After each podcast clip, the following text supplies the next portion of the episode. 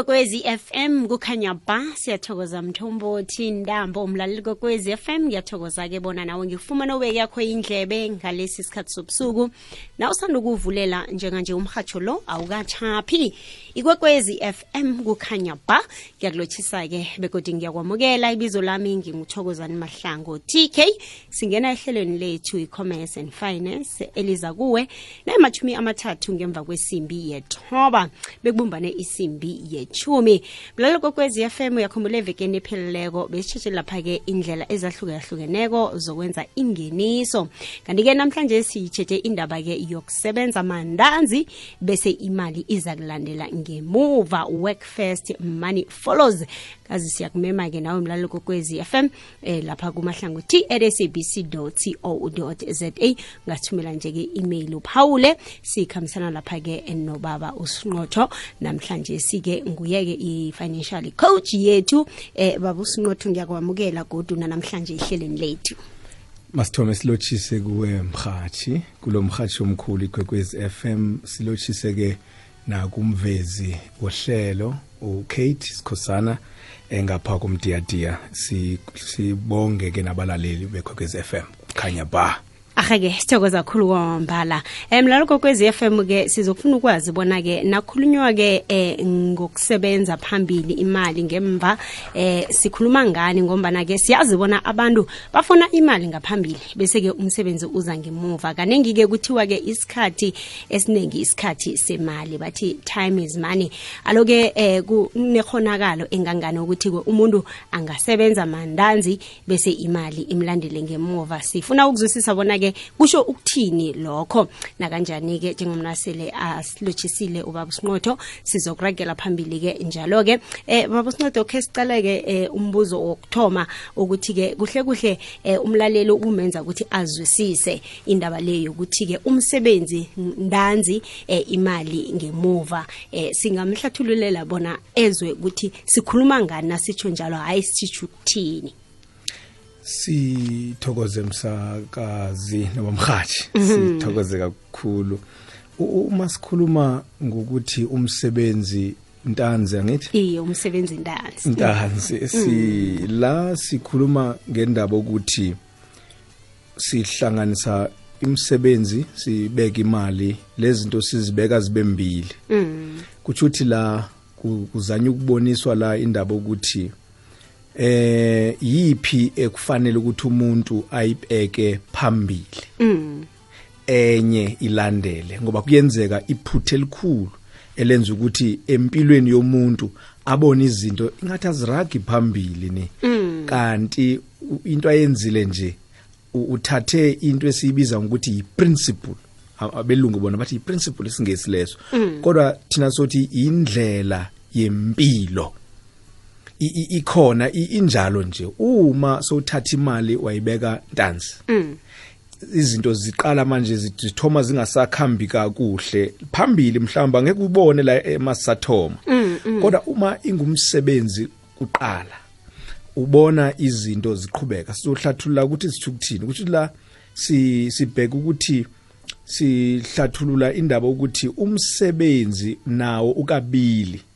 Ukhona umsebenzi owunikezwa ngabanye abantu ukuthi wenze. Ukhona umsebenzi wena ophuma kuwena. Siyibiza leyo nto njengokuthi lo msebenzi ophuma kuwena uphuma kwi-gift. Ipassion. Uphuma kwi-passion. Uphuma kwi- kwinto ithando lwakho. Lo msebenzi ngumsebenzi ophuma kuwena. Kunomsebenzi eh wena owuhamba ukhangele lo msebenzi uyakunikezwa. Nawo ngumsebenzi. So siyakuhlukanisa umsebenzi kabili. Umsebenzi owunikezwa ngabantu usebenze kuwona. Kulungile lokho. Nomsebenzi othanda ukuwenza. Othanda ukuwenza ophuma kuwena. Manje lezi zinto zizona ezinto okufanele ukuthi zikhambe phambili emntwini. Uma ehlezi akukhangele noba azama ukutshetsha ukuthi umsebenzi wamina ukuphi. Engakayibheki indaba yemali ni?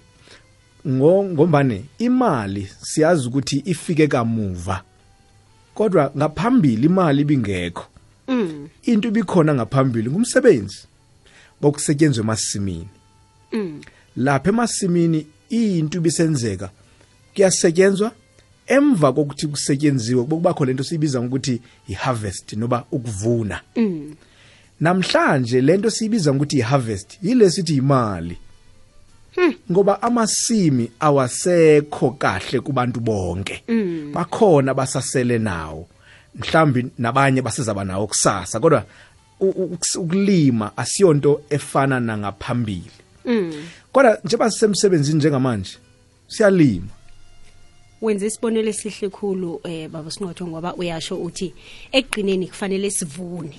Ekugcineni kufanele sivune? Ngile mali ekufanele sisebenze Yile bese mali. ekugcineni sithole. Sithola ke le mali. Uma singayibeka ke siyenze isummary emfutshane njengoba sisathoma sithi ke manje imali le sisivuno. Mm kungenzeka kanjani ufuna isivuno? Kodwa ungakasebenzi ungakahlawuli ungakatshali litho. So manje umsebenzi phambili. Isenoba ngumsebenzi la khona usasebenza umsebenzi womunye umuntu. Angithi nangaphambili bokwenzeka ukuthi umuntu thola ukuthi akanayo insimu yakhe. Lo muntu akanayo imbewu yakhe. Uyakhamba ayokucela ukusebenza ensimini yomuntu. Still lo muntu akahambi efuna ukuthi ngicela ningiphi imbewu ngicela kuthi ukuthi into la e- esemqoka ukuthi ufuna lensimi yokuthi alime. Eh inoba insimi engakayitholi yona uzolima kuleyo muntu asebenze kule abe seyaphiwa imbewu ke manje lo muntu ugcina enensimu yakhe la azozilimela khona. So la sifaka khona manje ukuthi la sizama ukuhlukanisa ukuthi umuntu mayehleze ekhaya lapha ebuka ethi imali anginayo. Isikhathi esiningi umuntu esisuka lapho usuka efuna ukugijima ekhangelana nani? Nemali. Nemali mm. Kanti akuthomi imali ni? Qala uqala impilo yakho wena ubuka ukuthi one kukhona na osokucacile ngami? Uma ungekacaci ngawe kulungile ukufuna umsebenzi mhlawumbe izinto zizokucaca ngesikhathi eh usemsebenzini usensimini yomunye umuntu. Kulungile lokho. Into engafuneka ukuthi umuntu ahlale acabanga ukuthi lesi sivuno le harvest le mali izolethwa ngabanye abantu beyiletha la kuye noba uhambe mhlawumbe uyibawa la ebantwini. Sizama ukuthi ke eh, cheja khangela funa umsebenzi kuqala. Umsebenzi ungakunikwa ngomunye umuntu umsebenzi lo wena owudalelwe ukhangele. Masikhuluma ngomsebenzi owudalelwe ke sibe sikhuluma ngendaba ethi umuntu nomuntu une yabona mawufuna i- i-vision uma uthi ebantwini vision mawuthi umbono. Engathi ukhuluma ngento esekudeni yini vision isekudeni lento kodwa i-vision i- i- ifihlakele kwi-passion. I-vision yakho ifihlakele la kulento oyithandako. Uma uyokhangela i-vision yokukhangela into ezokuthatha ikubeke phambili kusasa. Uyikhangela kuthini? Uyi- u- ukhangela la kwizinto lezi. Mhlawumbe noba ungazilista ukukhangela izinto ozithandako mhlawumbe ungafika ku-5 kodwa uphinde ube uyaziprioritize ukuthi yiphi eseduze. Ube sowenza into eyodwa ngesikhathi. Ungenzeka mhlawumbe kusasa wenze yesibili wenze yesithathu kodwa uthoma ngeyokuthoma ngoba isizathu sokuthi abantu bangabi nanto bayithomako ukuthi into ziningi mase ziningi akasenza akusenzi lutho futhi. Masozilistile ziningi ungarareki iningi ngoba ziningi. Prioritize manje. thatha le eqakatheke khulu. phambili. Mm. noma uthathe le engathi isebenzeka duzana. Ngoba kukhona okunye uthola ukuthi ngoba ivision iyathanda uba nkulu. Ungazi ungaba nevision la yokuthi ubona kunemall la leyo vision ik- inkulu futhi inhle. Kodwa ukhe wadayisa nalapha ubeka istand lapha yena ukhe wokucabanga lokhu ukuthi njengoba une une mall wazi ukuthi le mall mhlawumbe uzoqashisa noma uyobudayisa noma uyokwenzani kuleyo mall uzibona usemall kodwa wenza okuthize awukangeni manje. Ukwenzile okuncane lokhu kuseduze lokhu ngathi kuyafikelela uyafikeleleka kuko ukwenzile ngoba kuqalwa lapho kuncane khona lokhu kuncane kwakha okukhulu. Sikhuluma kanjalo masithi si- sizama ukuthi yini umsebenzi yini imali. Kuthonywa ngomsebenzi imali yalandela ngoba isisivuno. Se- siyathokoza baba sinotho sirakela phambili mlaleli kokwez FM kodwana ngaphambi kwalokho akhe siyokuthengisa-ke siye ngentolo sizobuya kodwa-ke sihlabele phambili nehlelo lethu i-commerce and finance.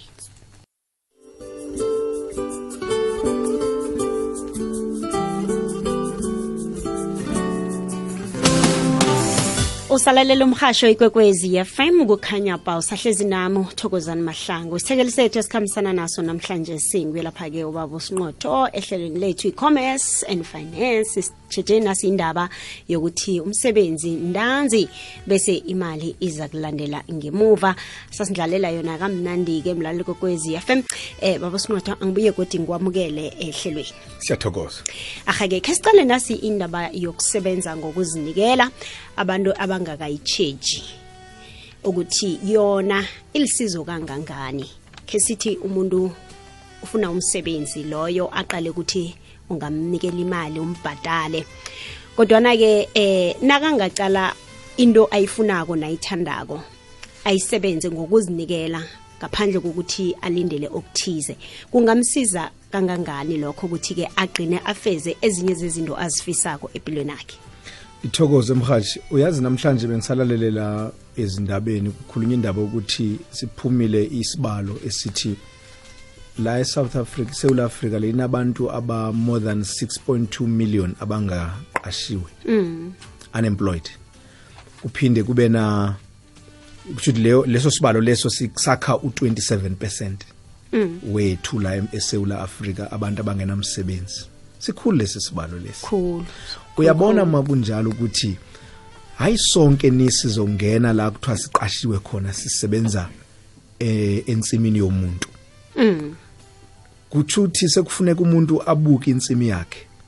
Masibuka insimi ke manje asisakhulumi ngeland la khona umuntu azawuthatha inkomo ahambe ukulima sikhuluma ke manje nangoku uzama imisebenzi.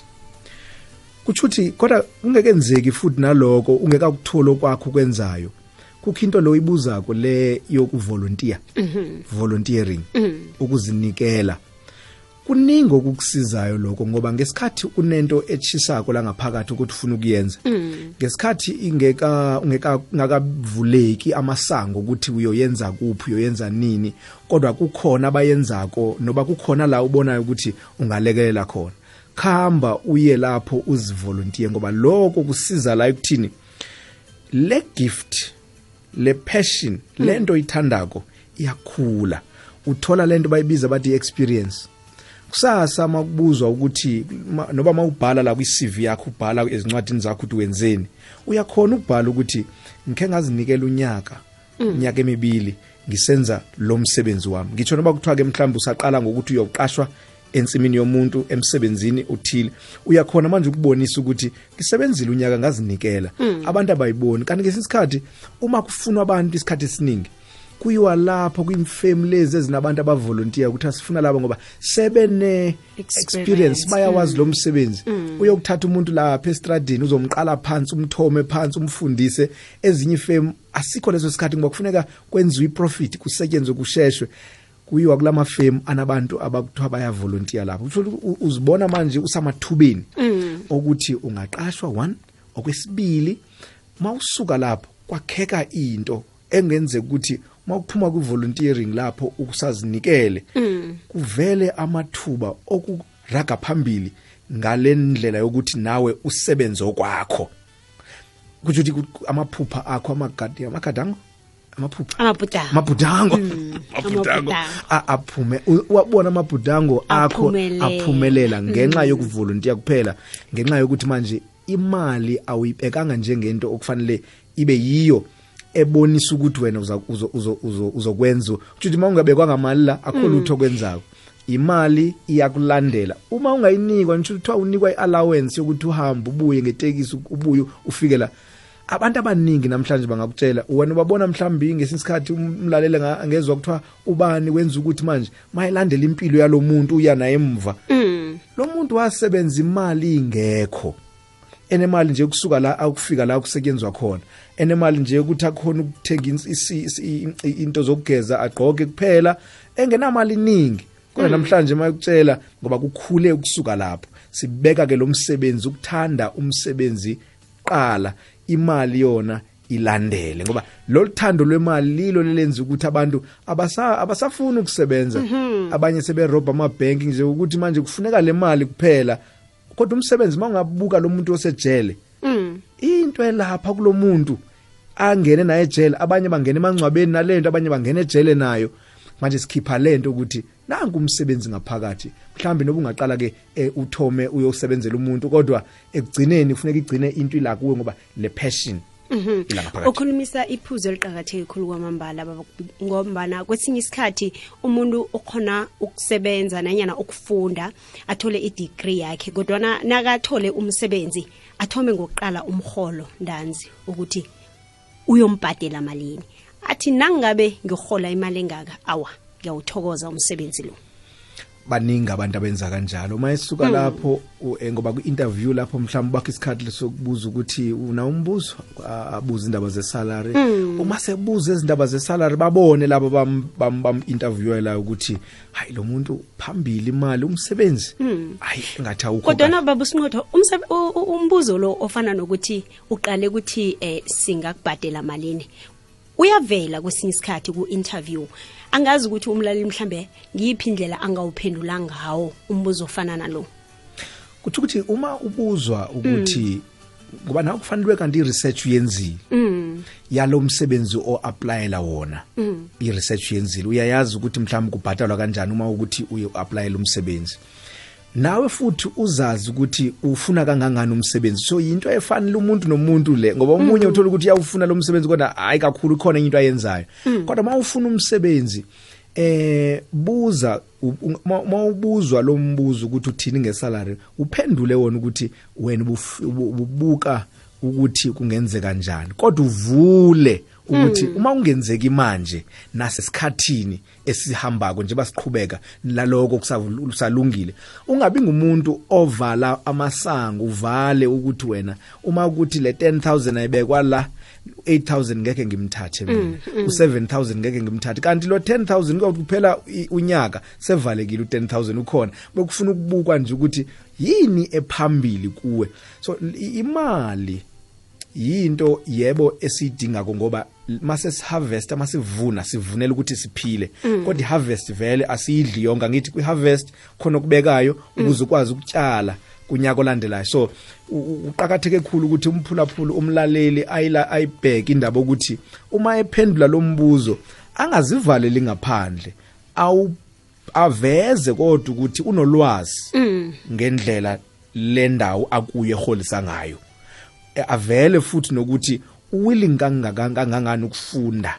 Nokuthi i- i- ukukhula nangemali leyo willing ukukhula ukuthi noma mhlawumbe uqaleke phansi kodwa kuthomeke phansi ngesalary leyo kodwa ibe into esivumelana ngayo ukuthi iyakhula lento U- uzinika ichance manje ukuthi udevelop ngoba awubhekanga le mali ubheke neskill ubheke ne ukuthi ungene ngaphakathi uzokhona ukuthi ufunde ekugcineni kuzokuphuma lento wena oyifisayo empilweni yakho. iyazwakala. Ngibona kukhona osakuphetheko baba usinqotho singaqalelela kikho engomana nesikhathi sethu vele sesiyabhala. Ya masikhuluma nge into ukhuluma ngokuthi ikusiza ngani? La ku- ku- uma ungumuntu wemali ugcina ungena nakho sekulimaleni kunento ezibizwa ngoba ziyi-quick schemes. Mm, ugcina ungasabukanga umahluko wento esizayo. Siyazi ukuthi la ngaphandle kunezinto eziningi ezisizako ezinye azisizi ni em kune network marketings ezisizako. Phinde kube nezinto ezifanisa ngathi zizo. Uma unge- umuntu ke manje ohambisa le mali phambili akuziniki nechance yokubuka ukuthi yini le ezokwenza ukuthi ngingenise imali. Ugcina ke manje sokulimele. Abanye bathi bephuma mhlawumbe kwipension yabo athatha imali yakhe yokugcina ayifaka ngoba esithi kuthiwa imali yami la izoba yi-double. Athatha imali yakhe yonke ngoba uqale le mali yena aka- akafuna ukuqala ukuthi izokhandwa ngani le mali? Umsebenzi la kulento le mali ukuphi? Izoku- avele athathe i-1 million yakhe yokugcina ayisebenze i-30 years 40 years ayifake kwinkampani kusasa inkampani ayisekho. So kuqalwa lezo zinto. Asikhulumi ngabantu nje aba-unemployed nabantu abasemisebenzini manje ekuthola ukuthi imali le abayiholako abayisebenzisi ukuzithuthukisa. Umuntu uyisebenzisa kuphela ukuthi uyayidla kanti le mali noba ungathi incane kangangani? Isebenzisa abantu abaningi babehola imali ezincane bakhonile ukufunda bathuthukisa nge-education namhlanje sebeqashwe kwezinye indawo namhlanje banamabhizinisi abo. Ekuthi ukuthi-ke u- u- u- u- uma mhlawumbe singatshetshi indaba yokuthi umuntu angenza njani ukuthi afake ke le mali? Sikhuluma ngendaba ukuthi zi- zikhona indlela ezilula zokuthi umuntu afake imali. I- indlela elula ukuthi la useduze khona ubuka inkinga. Mm. uze wena ulethe wena isolution. Angeke sikhulume ngazo inkinga njengoba sila e-studio manje. Mm, kodwa kodwa manje lapho umuntu ekhona ayi akukho linkinga ingekho khona. Mm. umuntu mayekubuza ukuthi ngenze njani ukuthi ngifake imali kusasa nje avuka ab- abheke la ukuthi lapha ahlezi khona inkinga zingangani? Njengoba ezifuna ku government letha isolution. Le solution seyiletha ini? Ngoba isolution ngumsebenzi.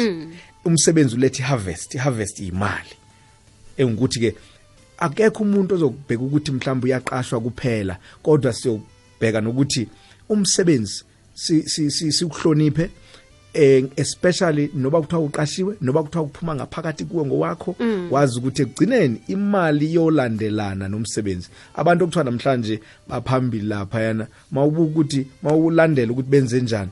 Cha babeka into la abazoyisebenza imali yazila yazingenela. Hayi ukuthi ugijimisana nemali akukho lokho okwenzayo.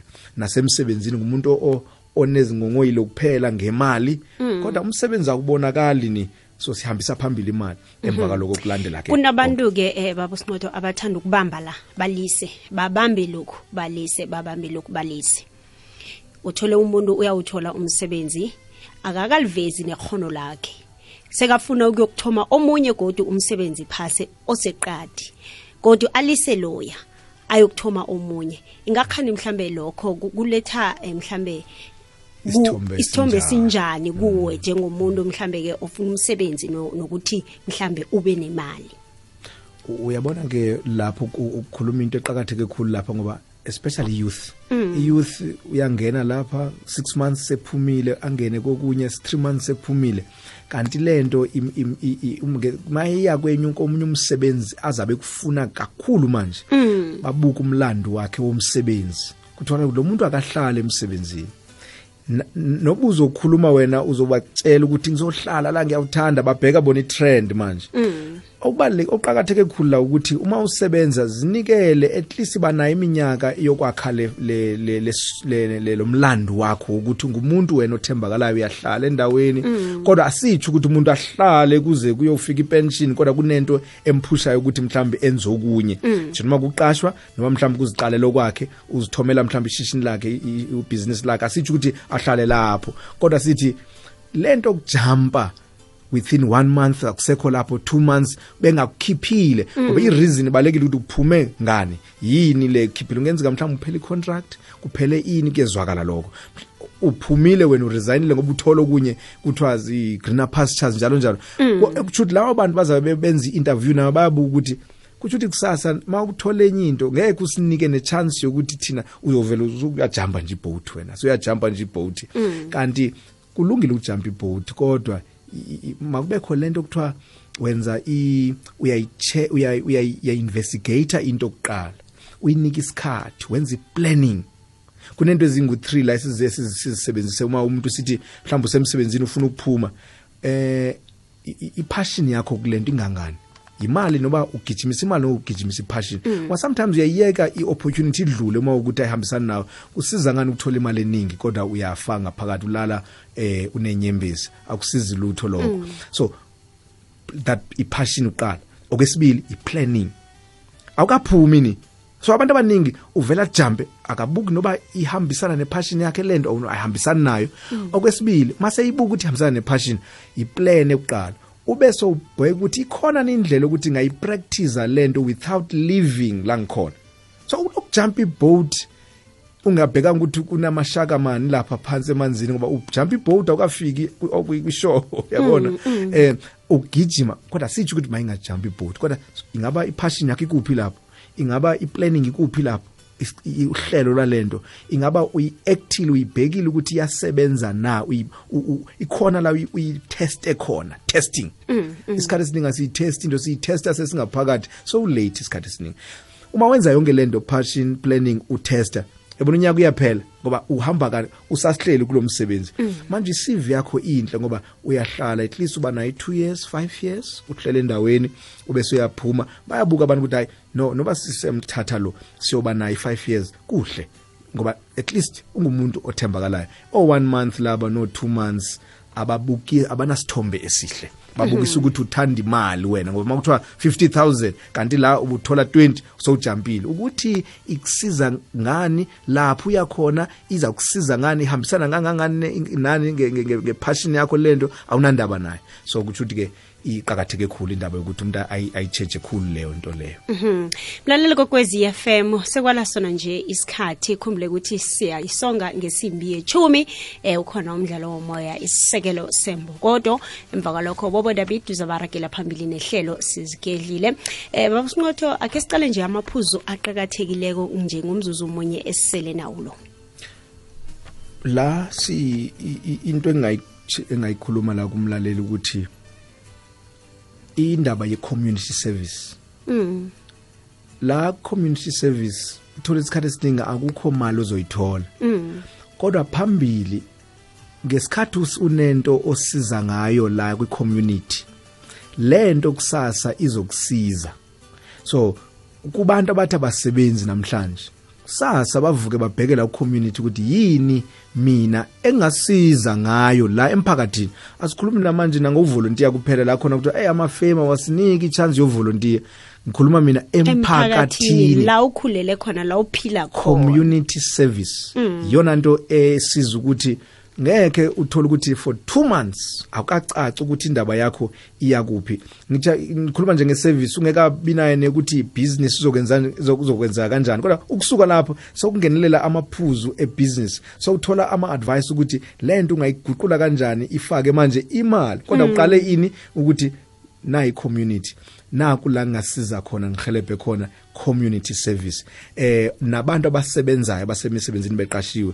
Bakuhloniphe la umsebenzi bawuhloniphe bangakuthathi njengokuthi siyagqilazwa bathanda ngokuthi basesikolweni lapho. And then kuyasetyenzwa khona but ugaina gain experience. Kusasa izokufakela imali leyo nto. Umuntu ayisebenzise njengethuba elihle lokuthi abe nelwazi azalisebenzisa phambili. Kwamambala. Ahake sithokoza kakhulu kwamambala baba ngesikhathi sakho siba ulayelisa umlaleli wethu ekhaya eh sikwazi ukuchidela umthombothi ngehlelo sizigedlile. Siyathokoza aha-ke mlali kokwezi FM hlelo lethu e-commerce and finance. Silibeka lapha kuwo namhlanje. Si sithokoze khulu wamambala indlebe yakho. Rakela phambili ulalele ihlelo sizigedlile. Mina ibizo lami nginguthokozani mahlango o-tk ebengikhambisana naye namhlanje. Si nguye lapha-ke um uzilulamele sinqotho baba sinqotho. Sithokoze khulu kwamambala um ngesikhathi sakhe. Mlaleli sizohlangana godu emahlelweni alandelako eh umhasho ikwekwezi FM nokumahlelo wezefundo. Nakumdlalo womoya ke uyalandela isisekelo sembokodo mkhambile